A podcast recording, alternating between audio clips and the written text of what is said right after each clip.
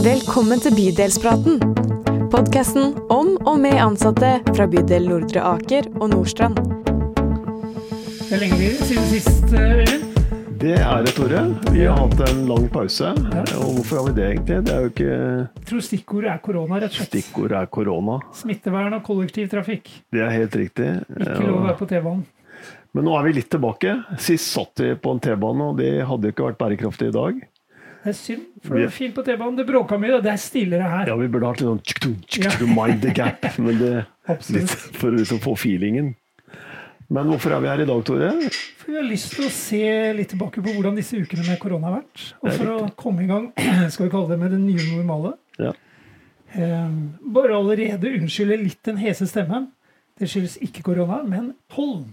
Som kommer akkurat samtidig. Det er viktig å skille. Ja, det er viktig å skille. Snakka med bydelsoverlegen hver dag. Ja. Kan jeg kremte sånn i dag òg? Ja, sier så det går fint. Så bra.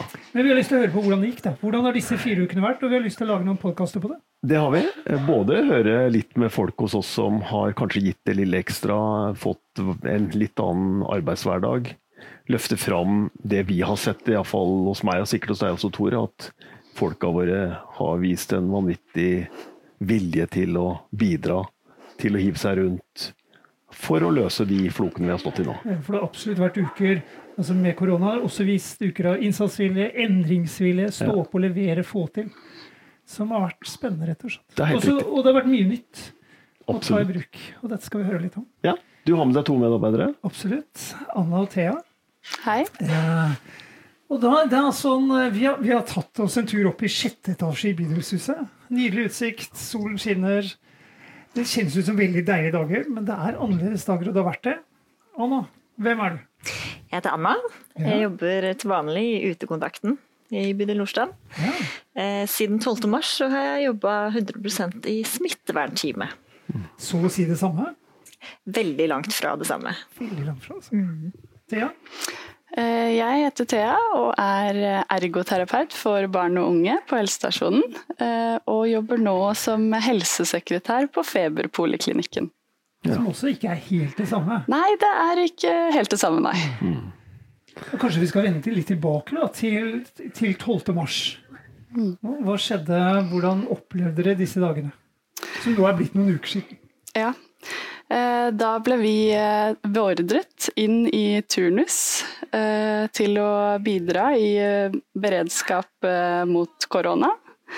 Og det var Ja, jeg syns det var spennende, men også utfordrende. Litt skummelt. Ja. Fikk du god tid? Det var liksom på nyhetene også, og det skjedde mye. Italia var på Plutselig var alt der. 12. mars. Ja, jeg kom på jobb som vanlig klokka ni. Torsdag morgen klokka tolv fikk jeg vite du er med i smittevernteamet. Ok, Ja. og klokka tre så var jeg på min første vakt, som varte klokka ti.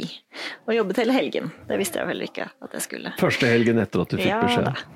Så da var det full rulle. Hvordan var det å ta det skiftet inn over seg, egentlig? I begynnelsen tror jeg ikke helt rakk det.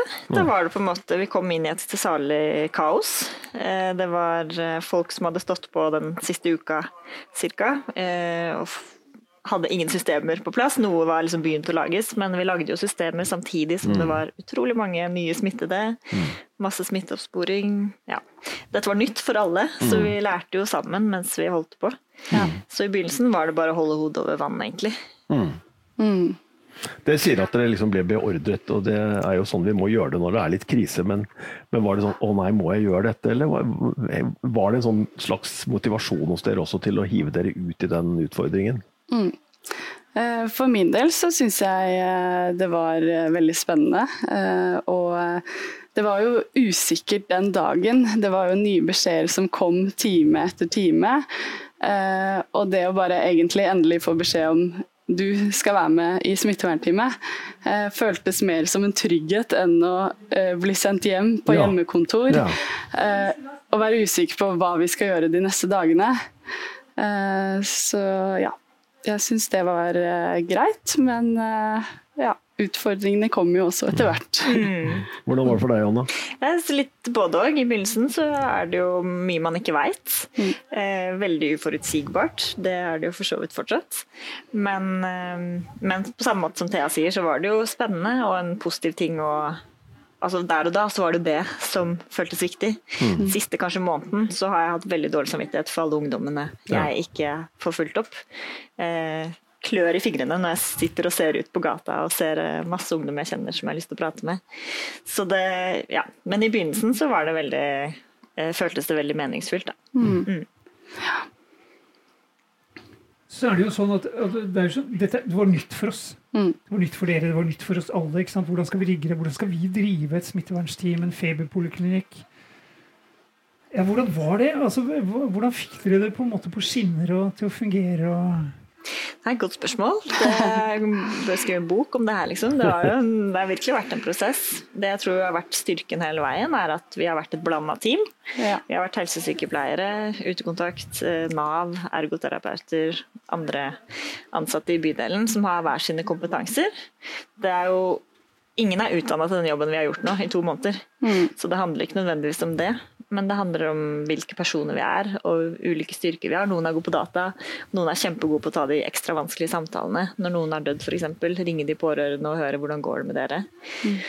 Um, ja. Så jeg tror det teamet har vært eh, veldig, veldig bra. Ja, Stikkordet der er vel godt samarbeid, vil jeg si. At uh, vi har hjulpet hverandre i eh, utfordringene. Og jobbet godt sammen, syns jeg. Men hvordan fikk dere til det? For dere var jo en gjeng som ikke kjente hverandre. Altså, som knapt nok hadde hørt hverandre om hverandre før. ikke sant? Og nå skulle dere levere en Ja. Også ny tjeneste. Vi starta med smittesporing av, hele smittevernsteamet. Og så, så starta vi jo Feberpoliklinikken. Det høres jo litt Hvordan opplevde du å måte, gå over til det og begynne å Ja, for jeg startet jo sammen med Anna i smittevernteamet. Og så etter en stund så eh, fikk vi høre rykter om at nå skulle åpne en feberpoliklinikk. Eh, og det hørtes jo skummelt ut, for da skulle man jo plutselig enda nærmere de som eh, var smittet. Eh, så fikk jeg beskjed om at da skulle jeg så fikk jeg beskjed om at jeg skulle sitte som merkantil på feberpoliklinikken. Og tenkte ja ja, nå har jeg akkurat lært meg hvordan smitteoppsporing fungerer og hvordan vi jobber i smittevernteamet. Og nok en omstilling eh, til feberpoliklinikken og nye utfordringer. Eh, men eh, ja, vi måtte bare snu om på det og ja. ja, Hvordan kjennes det ut? Trygt, utrygt? Det var jo litt sånn usikkerhet man følte på, fordi at vi ikke visste helt eh, hva vi skulle gjøre, og hvordan det skulle fungere, eh, og hvor vi også skulle være. Og det ble jo bygd opp eh, en feberpoliklinikk her på bydelshuset vårt. Som også var jo litt spennende, for det kom jo nært oss alle på et vis. Det var akkurat det det. være trygt? Nå var det jo midt inne i huset. Ja, og det kunne vi jo kjenne litt på at noen syntes var skummelt, og det undret seg folk i gangene i forhold til å, skal eh, koronapasienter inn hit, der hvor vi har helsestasjon f.eks. Um, og om man ikke kunne funnet et sted som var bedre egnet. Eh, Men nå har vi jo flytta til det gamle bydelshuset på, i Cecilie Thoresens vei 11. eh, Som, vi, eh, som nå kalles koronasenteret. eh, Der hvor vi sitter sammen med smittevernteamet og eh, ja. Koronasenteret høres ut som et veldig fint sted å oppleve. fint. Det, det anbefaler alle. Vi møtes på koronasenteret. Men når dere ser tilbake, ikke sant? nå har det vært en del uker. Ikke sant? Du kommer fra jobber egentlig med helt andre ting og er satt inn i dette. Eh, Kommer dere ut av dette med en læring som dere tar med dere videre? Har dere gjort det med dere som menneske? Ikke tenk bare liksom jobbdelen, men liksom hele denne situasjonen. Hva har det gjort med dere? Jeg tenker For min del så har jeg fått mer innsikt i dette. Altså jeg er ikke helseutdanna i det hele tatt. Så mer innsikt i sykdom og helse og det å kunne snakke med folk som er veldig syke, ringe ambulanse, lære, lære masse av helsesykepleierne på hva ja, Å stå i de liksom sånn Shit, nå sier han at han ikke får puste, hva skal vi Altså, i de situasjonene der, da, det har jeg aldri vært oppi før. Eh, Så det er en trygghet på en måte at det takler jeg, men kanskje ikke alene, men med god hjelp fra andre. Det har vært fint, og blitt jo blitt tryggere i det også etter hvert, selvfølgelig. Og så tror jeg jeg tar med meg det gode nettverket vi har bygd opp. Jeg tror absolutt at det blir kortere vei eh, mellom samarbeidspartnerne etter det her, når vi forhåpentligvis får lov til å gå tilbake til eh. De vanlige jobbene våre etter hvert. Ja, det er jeg veldig enig i. Akkurat det der med samarbeidet på tvers av uh, ulike yrkesgrupper og ulike tjenester i bydelen. At uh, det må vi ta med oss og fortsette med, for det er veldig viktig. Uh, og ja. Jeg tenkte også vi måtte innom det der med Vi startet med noe, og nå driver vi tjenesten annerledes. Så vi har endra på det hele tiden. Hvordan har det vært? Både og, syns jeg. Er jo, jeg er en ganske endringsvillig og fleksibel person. Jobber i utekontakten hvor vi må ta ting Altså vi må endre oss hele tiden etter hva ungdoms, ungdommen er opptatt av.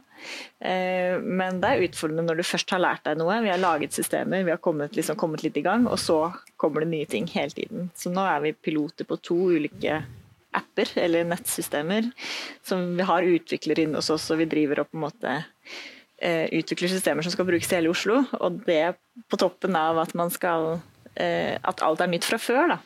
Har vært utfordrende. Men jeg må si den gjengen som har vært med, har vært helt fantastiske og virkelig gjort alt man kan og tenkt ok, kjipt å få Nå har vi endelig lært oss dette, nå skal vi lære oss noe nytt, men de kaster seg ut i det. Mm. Ja, jeg, altså jeg merker det i min organisasjon også, Tore. at eh, jeg, var inne, jeg har vært litt rundt i organisasjonene og snakket med folk, og da traff jeg en som sier jeg, vet du, jeg liker jo ikke endring, sa hun til meg. Men nå har jeg bare vært nødt til å gjøre ting helt annerledes. Og hun sa det med en slags overbevisning om at hun syntes det var ok. Så det er noe med for sånn Hvis vi som bydeler da, og våre tjenester har fått den erkjennelsen av at uh, det vi trodde var veldig skummelt for noen av oss, iallfall, det er ikke alle som er som, som deg og bare liksom kaster seg på, så tenker jeg at, at uh, da, da har vi fått med oss noe nytt som vi kan bruke også i den, det endringsarbeidet vi skal gjøre etter denne situasjonen. Hva tenker du, Tore? Og jeg tenker som Thea var inne på, nemlig at denne reisen, og som kommer til å fortsette, da, gjør oss tryggere. Mm. Til å ta det som kommer, selv om vi ikke vet hvordan, vet hvordan det er. Mm. Så det, den ressursen vi er sammen, det gjør at vi klarer å løse det. Mm. Hjertelig takk skal dere ha. Ja, veldig spennende å høre på dere. Og lykke til videre. Dette er jo på ingen måte over. Nei. Selv om vi er i en annen fase. Vi vet ikke hva morgendagen bringer. Mm. Og vi setter jo veldig pris på den jobben dere gjør og de andre medarbeiderne våre gjør i denne situasjonen. Ikke sant, Tore? Takk skal du ha. Takk for oss. Takk, takk.